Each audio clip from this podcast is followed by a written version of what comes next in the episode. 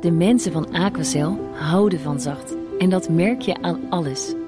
Dankzij hen hebben we nu echt zacht water en een kalkvrij huis. Voor hun klanten zijn ze zacht. Dat zijn ze trouwens ook voor elkaar. Voor ons zijn zij de kracht van zacht. Aquacel. 100% zacht water, 100% kalkvrij. BNR Bouwmeesters wordt mede mogelijk gemaakt door Bouwend Nederland. De bouw maakt het. BNR Nieuwsradio. Bouwmeesters. Paul Lasseur. Hoor, de wind waait door de bomen en straks gaat het ook nog vriezen. Ja, we zitten bovenop het nieuws. Vandaag is ook de klimaattop in Tolen, eh, Polen begonnen. En we gaan het hebben over extreem weer in BNR Bouwmeesters. Hoe gaan bouwwerkzaamheden door bij extreme kou of hitte? En wat mag wel en wat mag niet op de bouwplaats?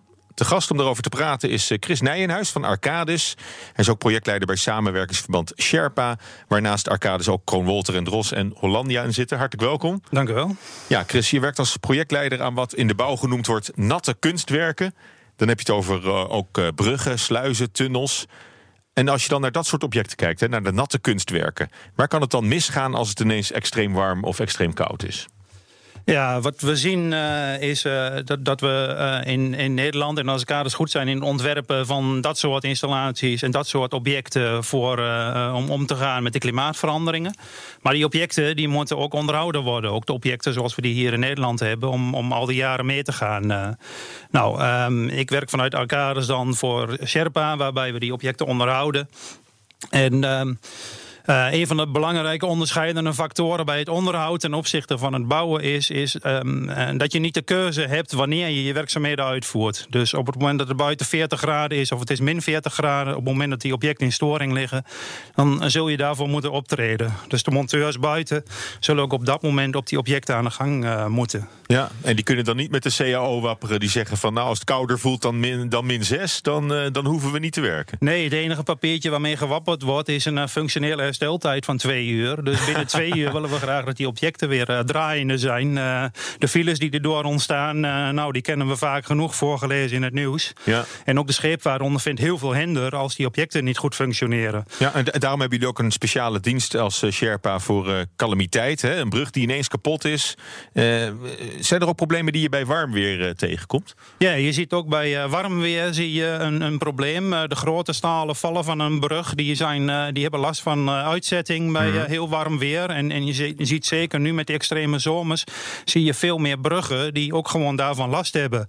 Als je in de stad rondrijdt, zie je soms dat ondanks dat het al maanden gewoon heel erg droog is geweest... in één keer bij een brug een hele natte plek op het wegdek. Mm. Nou, dat zijn dan maatregelen die genomen worden door die bruggen te koelen... waardoor ze weer met, met water, waardoor ze weer iets krimpen... waardoor ze dus weer kunnen bewegen. Ja, en moeten jullie daarvoor uitdrukken? Want je ziet vaak to toch al dat, dat er gesproeid wordt op bruggen bij, bij warme zomerdagen. Ja, in sommige gevallen, bij bekende bruggen, zie je dat daar dan dus sproeiinstallaties voor aangelegd worden. Maar er zijn ook veel gevallen waarbij het door, juist door het extreme weer nu ook bruggen gaan knullen die je eigenlijk niet van tevoren ziet aankomen. En dan is het meer een calamiteit. En dan uh, wordt ook op ons een beroep gedaan om die bruggen weer te koelen, om ze weer uh, beweegbaar ja. te krijgen. En koud weer is, is voor bruggen misschien minder een probleem? Koud weer is voor bruggen, alhoewel bruggen natuurlijk wel bestaan uit, uit, diverse componenten, waaronder ook elektronica, wat wel weer gevoeliger is voor koud weer. En ook hydraulische installaties en, en dat soort zijn toch wel gevoelig voor, uh, voor de kou. Ja. Oké, okay, en, uh, en sluizen bijvoorbeeld, hè, dat is dan zo'n ander nat kunstwerk waar jullie bij, bij betrokken zijn. Wat, wat kan daar misgaan? En bij sluizen zie je dat bij, met extreme vorst... dat uh, op een gegeven moment uh, er toch te veel ijsvorming ontstaat... en dat ook de schuiven die zorgen voor het nivelleren in de sluis... dat die vast gaan zitten. En ook die zullen dan weer gangbaar uh, gemaakt moeten worden. Rijkswaterstaat kiest ervoor om, om, om de hoofdvaarwegen gewoon bevaarbaar te houden. Daar waar het mogelijk is worden sluizen in hele koude tijden wel buiten werking gesteld. Maar een bepaalde hoofdvaarweg moet toch altijd wel begaanbaar blijven voor de scheepvaart. Ja. Maar die schuiven die zitten toch behoorlijk diep onder, onder water? Ja, die schuiven kunnen behoorlijk diep onder water zitten. Maar daar zijn ook weer andere methoden voor. Om je, je kunt met, met, met pompen uh, in de deurkassen kun je zorgen dat je het water in beweging houdt. Waardoor deuren niet uh, vast kunnen vriezen. Uh, je kunt nou, op het moment dat een deur is vastgevroren. kun je toch ook proberen om met mechanische handelingen. toch zo'n deur weer vrij te krijgen. Dan breek je hem wel weer open. Dan breek je hem op een zekere manier wel weer open. Ja, maar moeten jullie daarvoor uitdrukken? Of, of is dat iets waar, waar, waar de brugwachters zelf op tijd aan denken? Nee, ook dat zie je. De, de, de brug- en sluisbedienaars zijn zuiver voor het operationele element. En, en alle ondersteuning en, en onderhoud en het ingrijpen bij dit soort calamiteiten wordt zuiver gedaan door, uh, door Sherpa dan. Oké, en uh, het bouwwerk zelf, hè? als je dan kijkt naar de bouwfase van, van zo'n uh, van zo'n object, van natte kunstwerken. Um, heeft de kwaliteit van het bouwwerk misschien ook te lijden van weersomstandigheden? Bijvoorbeeld dat je bij heel nat weer, als je dan beton stort, dat het dan van mindere kwaliteit is dan wanneer je op een mooie zomerdag het beton laat uitharden? Ja, dat zou kunnen. Dat heeft zeker invloeden. En, en ook heeft natuurlijk de temperatuursinvloeden heeft, hebben een invloed op de degradatie van je, van je mechanische en elektronische componenten. Mm. en omdat zo'n object gewoon een verzameling is van heel veel verschillende um, onderdelen die weer een verschillende bandbreedte hebben en verschillende invloeden van het weer, uh, zie je ook dat je um, niet zo heel eenvoudig kunt voorspellen wanneer iets vervangen of, um, uh, of hersteld moet worden. Ja, ja. Dus vanuit je ontwerpfase ga je uit van een bepaalde levensduur, ga je uit van bepaalde omstandigheden. Maar je ziet nu dus ook dat er een heleboel uh, veranderd is en dat de weersomstandigheden veranderen. Maar ook de belasting van het, van het verkeer is gewoon veel groter geworden de afgelopen jaren mm. dan in het ontwerp eigenlijk ooit rekening mee is gehouden. Ja. Nou, dat, dat, zijn dat factoren. komt er bovenop. Ja. En dat komt er weer bovenop. En dat zijn factoren die we als Arcades en Sherpa. Um, binnen het risicogestuurd onderhoud uh, naar voren brengen om een beter inzicht te krijgen in dat dynamische gedrag van die objecten. Ja. Om zo de renovaties en de onderhoud beter te kunnen voorspellen. Ja, en wat voor opvallende uh, crisissituaties of onveilige momenten ben je zoal uh, tegengekomen bij, bij bouwwerken? Waar, waar jullie de, de controle en het onderhoud voor doen? Ja, wat, wat je ziet is dat uh, sommige objecten dan sneller gedegradeerd zijn. En dat er dus heel versneld een herstelmaatregel nodig is. Bijvoorbeeld het, het, bevestigen van bepaalde brugdelen die opnieuw aangehaald moeten worden. Nou, dat is een hele korte termijnplanning waarin dan die mensen buiten aan het werk moeten. Um, en dat kan dus ook in hele koude omstandigheden zijn. Het nadeel van bruggen en sluizen is dat ze heel vaak in een hele open structuur liggen. Dus de wind heeft daar altijd vrij spel. Ja. Dat betekent ook dat die mensen er druk, uh, druk bezig zijn buiten. En dan uiteindelijk um, gaan merken dat het toch een stukje um, ja, te koud is. En dan kan een stukje van onderkoeling uh, ontstaan, bijvoorbeeld. Dus ja, dat, is, uh, dat, dat, komt wel voor. Het is wel, eens voorgekomen, het is wel eens voorgekomen dat iemand naar, uh, te lang buiten is geweest. en dan gewoon met onderkoeling te maken had. Ja, en, en wat, voor, wat voor risico's lopen, lopen werknemers die, die met die kou buiten aan het werk moeten? Wat voor, wat voor situaties moet je daarbij voorstellen? Ja, nou, onder, onderkoeling is in door te lang daar buiten bezig te zijn. Maar ook, ook andere hmm. situaties uh, kan het zijn. Kijk, onder, die, onder tijdsdruk van storingen bijvoorbeeld moet iets snel opgelost worden. Uh, dan kan het zijn dat ze bij zo'n brug um, van de zijkant van een brug naar een component moeten die ergens onder de brug op een pijler zit. Ja. Nou, dan moeten ze dus in die slechte. Dat is normaal met de tijdsdruk is dat, al, is dat best al wel een belasting. Maar als daar ook nog eens een keer een hele kou bij komt, of zware regen en wind, dan is het gewoon steeds lastiger. En als dan het weg daar naartoe niet optimaal is, dan betekent dat best wel een belasting en een risico voor die ja. medewerkers buiten. Kan je daarop trainen of moet je maar wachten tot het, uh, tot het zich voordoet? Nee, daar kun je op trainen. Het is een stukje bewustwording van die mensen. Maar het is ook wat we samen met Rijkswaterstaat doen... is bij de inventarisatie van die objecten er heel erg aan werken... om vooral die veiligheid voor die mensen gewoon te borgen. Dat in plaats van dat ze ergens overheen moeten klimmen... of tussendoor moeten uh, klauteren... zorgen dat je een goed begaanbare weg hebt... met goede voorzieningen ja. om bijvoorbeeld met een valbeveiliging... eenvoudig te kunnen aanhaken. Zodat je toch veilig naar uh, die posities kunt ja, op de brug. Dat is ook een belangrijk puntje denk ik voor in de bouwfase... dat je dan al de voorzieningen aanbrengt... die het onderhoud later weer veel makkelijker maken. Ja, en je ziet dat dat in het verleden misschien uh, niet, niet, voldoende is gebeurd, of minder is gebeurd. En je ziet dat dat bewustzijn nu gewoon steeds meer komt. Ja. Dat is ook een van de inbrengingen die we zoals vanuit het kaders binnen het onderhoud hebben. Dat, die bevindingen en die ervaringen, die delen we ook weer met de ontwerpkant daarvan, om gewoon beter ontwerpen te kunnen maken. Oké, okay, nou laten we ook even naar de, uh, naar de droge bouwplaats kijken. Even weg bij de, bij de natte infrastructuur. Om te kijken welke regels er gelden op de bouwplaats bij extreem weer. En daarvoor belden we met Paul van der Burg. Hij is woordvoerder van de Inspectie Sociale Zaken en Werk werkgelegenheid. En die vertelde ons dat er eigenlijk geen beleid is, omdat het slecht uit te voeren is. En de inspectie krijgt überhaupt veel weinig meldingen over extreem weer. Als we naar de bouw kijken, uh, dat we zelden meldingen krijgen als het te heet is. Uh, ja, dat, dat, komt al bijna niet voor. Uh, en we zien ook in de bouw, zeker met dakdekkers, als het heel hard waait of heel hard regent, dat ze dan ook niet het dak opgaan. Moeten mensen denken ook wel aan hun eigen veiligheid. Ja, en als er dan een melding komt, gaan ze toch wel even kijken. Al hangt dat ook af van het weer. Als er een heel dik pak sneeuw ligt en het is koud, dan gaan we uit van, van de verantwoordelijkheid van de werkgever. Dat hij die neemt, maar ook van de werknemer, die zijn eigen verantwoordelijkheid neemt. Van goh, uh, dit ga ik niet doen. Stel, wij zouden een, een melding krijgen uh, van daar wordt toch gewerkt. Dan gaan wij natuurlijk op zo'n moment wel naar zo'n bouwplaats toe om even te controleren van jongens, moet je nu wel zo werken? Is dit niet wel heel erg onveilig? Maar let op, extreem weer is misschien niet eens het allergevaarlijkst. Bijvoorbeeld op vrijdagmiddag wel vaker ongevallen ziet in de bouw. Uh, en dat is bijvoorbeeld omdat men snel iets af wil maken. Dan kijkt men niet meer naar de, de veiligheidsvoorschriften helemaal. En dat is wel triest. Uh, maar ook daar uh, is toch ook de werkgever en de werknemer die gewoon onderling goede afspraken moeten maken. Ja, nader het weekend is misschien wel gevaarlijker dan, dan de weersomstandigheden. U hoorde Paul van den Burg, woordvoerder van de Inspectie Sociale Zaken en Werkgelegenheid. Ja, Chris, eigenlijk zegt u ook, er is geen beleid... omdat de regels voor extreem weer allemaal in de bouw-CAO zijn geregeld. Hè? Daarom zijn er geen, geen, geen andere regels of geen aanvullende maatregelen... om de risico's van extreem weer in te perken. In die CAO staat onder meer dat de werkgever... voor een veilige werkomgeving moet zorgen. Dat hoorden we de inspectie ook zeggen. Wat, wat vind jij van hoe het geregeld is? Ja, dat, dat, dat zie je inderdaad ook terug. Dat er qua regelgeving niet, niet extreem veel over is. Maar wat ik wel terug hoor, er zijn twee belangrijke begrippen. Dat zijn je verantwoordelijkheid die je daarin hebt en een stukje bewustwording. Uh, uh, verantwoordelijkheid is, geldt in alle lagen. Dat geldt voor de mensen die er moeten werken, maar ook voor de werkgever daarvan, maar ook mm. van de beheerder van de objecten. En samen moeten we zorgen dat ze die werkzaamheden gewoon op een veilige manier kunnen uitvoeren. Onder alle omstandigheden eigenlijk. Dus naast artikel 73 van de bouw-CO, waarin dat allemaal staat, hè, over die veiligheid moet je ook gewoon je gezond verstand blijven gebruiken. Dat is zonder meer altijd het meest verstandige binnen veiligheid. Nou, laten we het hebben over monitoring, maar dan eerst op een ander niveau. Eén methode om te weten wanneer je wel en niet kunt bouwen is via een speciaal weersysteem voor de bouw. En daarover spraken we met Menno Bom. Hij is directeur van Infoplaza over een bouwsupport weersysteem. Bouwsport is een dashboard dat direct inzicht geeft. Uh, dus je kunt direct zien uh, of er iets aan de hand is voor jouw specifieke project of niet. Dus het is heel lokaal, uh, specifiek voor de bouw, specifiek zelfs voor je eigen werkbaarheidsgrenzen. dus het is echt weer vertaald naar, naar de bouw.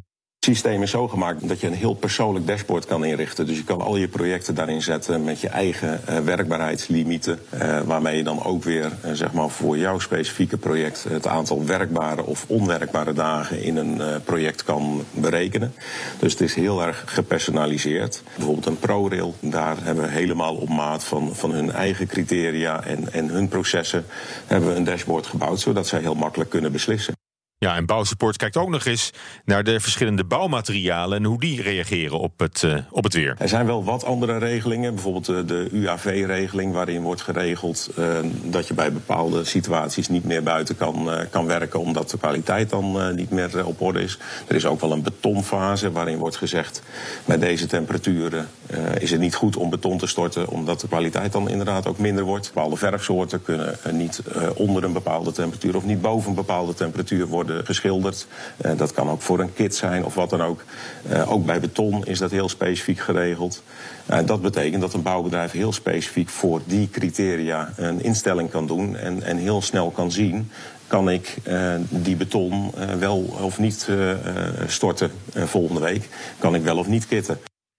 Nou, Chris Nijhuis, dat klinkt wel een beetje alsof in bouwsupport echt alles zit wat je moet weten voor, voor de bouw. Maakt Arcades ook gebruik van dit soort diensten? Ja, dat soort diensten zijn natuurlijk heel erg handig om, om het werk beter in te richten. Het nadeel van onderhoud is dat het wat minder gestuurd is, wat minder planmatig is. Met name bij storingen is het direct optreden. Maar ook het wegnemen van risico's die we zien, die, die kunnen we wel wat kort van tevoren plannen. Maar dat, zit niet, dat kun je niet ongelimiteerd uitstellen. Bijvoorbeeld gaten die zijn gevallen in het wegdek, die zullen toch binnen een vrij korte tijd gerepareerd moeten worden. Ja. maar betekent dat automatisch dat, uh, dat jullie uh, helemaal geen niks mogen aantrekken van het weer als jullie dat soort werkzaamheden Nee, je zult, je zult zeker zaken moeten aantrekken van het weer. Wat net al genoemd wordt, sommige materialen kun je niet goed verwerken bij te koude omstandigheden. Dan mm. moet je uitwerken naar andere materiaalsoorten. En heel belangrijk is natuurlijk ook als je huiswerkzaamheden hebt, mm. dat je dat op een veilige manier doet. Dus dat niet betekent te veel zijwind. Dat, dat je ja, gebonden bent aan te sterke windvlagen. Ja. En daar zul je wel zeker je werk op moeten inrichten. En je zult je ook heel bewust van moeten zijn. Op Ja. dat moment. Ja, want er zijn ook nieuwe methodes hè, om het reparatiewerk aan de natte infrastructuur toch door te kunnen laten gaan. Eh, ja, je kunt niet alles even makkelijk bere- bereiken natuurlijk als het eh, slecht weer is. Jullie kunnen ook drones inzetten dan, hè, bijvoorbeeld. Ja, drones voor herstel eh, is op dit moment, eh, daar zijn ze wat te kleinschalig voor. Maar eh, voor inspectie? Maar voor inspectie is het natuurlijk een heel goed middel om, eh, om, om een beter zicht te krijgen op je, op je objecten. Door, eh, en met minder eh, hinder veroorzaken. Dus, en ook minder je mensen daar eh, aan bloot te stellen. Dus dat zijn zeker wel eh, hele toekomstgerichte oplossingen. Ja, en jullie werken ook met, eh, met tenten over het wegdek of met hele bruggen die worden ingepakt. Een beetje zoals Christo hè, met Pont Neuf in ja, de dat, scène. dat hebben we ook gezien op een grote draaibrug die geconserveerd moest worden. Die inderdaad helemaal ingepakt wordt. Dat is inderdaad is het een mooi kunstwerk. ge- dan is het letterlijk een mooi kunstwerk geworden. Ja. En in die verpakking, daar kunnen, daar, daar kunnen die mensen dan eh, werken. en binnen die verpakking is dan, is dan goed te werken en ook door te werken. De temperatuur is beter, de, invloed van de wind is daar gewoon veel minder. Dus je kunt veel beter je onderhoud daar, eh, daar binnen doen. En veel ehm weersonafhankelijker doorwerken. Ja. En ge- gebruiken jullie ook al sensoren die zijn ingebouwd in de, in de kunstwerken waaraan jullie het onderhoud moeten verrichten? Ook dat is een tendens die je ziet, steeds meer ziet. Eh, met name ook wordt eerder al besproken. Die belasting, die verkeersbelasting die steeds meer toegenomen is. Eh, door bepaalde meetsensoren aan te brengen in, eh, in de objecten. Kun je de invloed daarvan veel beter eh, bewaken. En kun je veel beter zien of je objecten zich ook gedragen. Zoals je in de ontwerpfase eigenlijk hebt ontworpen. Oh, dus jullie gaan ook meer met, met de laptop en de iPad op stap. eh. Ja, ook het, ook het beroep voor eh, de monteur en de servicetechnicus eh, heeft eh, veel meer facetten ook van eh, meten en eh, met je laptop aan de gang. Ja, dat klopt. Ja. En nou he- hebben jullie vooral eh, te maken natuurlijk met bestaande infrastructuur. Hè? En wat we eerder ook al zeiden, je zou ook in de bouwfase al veel meer rekening kunnen houden met, met het onderhoud wat er misschien later in crisissituaties aan gepleegd zou moeten worden. Ja, dat zie je. Dat is de invloed en de lering die we nu trekken vanuit het onderhoud. En dat is ook wat wij vanuit het onderhoud heel veel terugkoppelen naar onze ontwerpers. Van hou rekening, je, je ontwerpt een, een object. Dat, dat is een traject waarin het gerealiseerd wordt van een jaar. Maar daarna ga je 30 tot 50 tot 100 jaar maak je gebruik van zo'n object. En al die tijd eh, ehm, ja, zijn de personen op aanwezig. En heb je voorzieningen nodig om dat goed te kunnen doen. En het is heel goed om dat te beseffen En, als dat je je, het en dat, je ook overal, dat je ook overal goed bij kan. Ja, vooral het goed bij kunnen. Je, je, eh, ehm, je ziet bij onderhoud, bij storing, dat je echt op moeilijk bereikbare plekken moet komen. En dat, dat heeft gewoon een risico in zich. Hoe beter je dat begaanbaar maakt en hoe minder je obstakels je daartussen maakt, hoe beter het is. Ja, en is dat iets waar we vroeger veel minder rekening mee hielden en waar misschien Rijkswaterstaat het, het voortouw in zou moeten nemen? Ja, vroeger zag je inderdaad dat daar veel minder rekening mee gehouden wordt. En heel veel van de natte kunstwerk hier in Nederland, die zie je dat die ook uit een periode van heel ver terugkomen. Waarin je dus best wel veel eh, beperkende eh, zaken ziet, die, die het onderhoud eigenlijk gewoon bemoeilijken. En je ziet dat we nu heel bewust, op het moment dat we, we beginnen met zo'n prestatiecontract, heel bewust met Rijkswaterstaat ook bezig zijn om die risico's te inventariseren. En samen met Rijkswaterstaat er naartoe gaan om, om die problemen zoveel mogelijk op te lossen. Ja, en inspectie van sociale zaken en werkgelegenheid zou daar misschien nog beter op kunnen toezien. Die, die kunnen en die leveren daar ook een bijdrage aan. eh, dat klopt. Oké, nou dankjewel. We zijn alweer aan het einde gekomen van eh, dit gesprek. Dank Chris Nijenhuis, projectleider bij samenwerkingsverband Sherpa... van Arcades, Kroonwolter en Dros en Hollandia. En eh, je hoorde deze uitzending ook Menno Bom... directeur van Infoplaza over bouwsupport... en Paul van den Burg, woordvoerder bij de Inspectie Sociale Zaken en Werkgelegenheid. Hartelijk dank. Dankjewel, graag gedaan. BNR Bouwexpo. Ja, en zoals elke week staat hier eh, redacteur Judith Lane voor de Bouwexpo... En we gaan deze week naar Dubai, Judith. Ja, ik dacht eh, de Bouwexpo eh, deze week kunnen we doen over de categorie Hollanders die goede dingen doen in het buitenland. Eh, de TU Eindhoven is namelijk 60 geworden in de Solar Decathlon west- wedstrijd. En dat is, eh, dan denk je misschien, wat is dat? Dat is een jaarlijkse internationale bouwwedstrijd voor universiteiten voor innovatieve, duurzame gebouwen. Eh, georganiseerd door het ministerie van het Amerikaanse ministerie van Energie. Eh, en het was dit keer voor het eerst in Dubai. En dan krijgen teams tien dagen om hun ideale droomhuis eh, te bouwen, begrijp ik. Ja, klopt. En het team van eh, TU Eindhoven, Team Virtue. En dat is dan ook weer als je het leest eh, met hoofdletters. En dan eh, de laatste letter is een kleine letter. Dat is natuurlijk ook eh, in het logo van de TU Eindhoven. Eh, dit is van de 15 teams toch mooi 60 geworden. Ja, en dat appartementencomplex, want daar gaat het om dat ze gebouwd hebben, dat heet Link met een Q. Mhm. Ja. Ook al hip met, met de woordgrappen. Woord, eh, grappen. Eh, wat is daar bijzonder aan, aan, aan Link? Nou, de vorm. Het is eh, eh, net alsof het op een soort helling staat. Dus het lijkt een beetje alsof het dan scheef staat. Dus het heeft een schuin dak. Uh, aan de ene kant is het dus heel hoekig.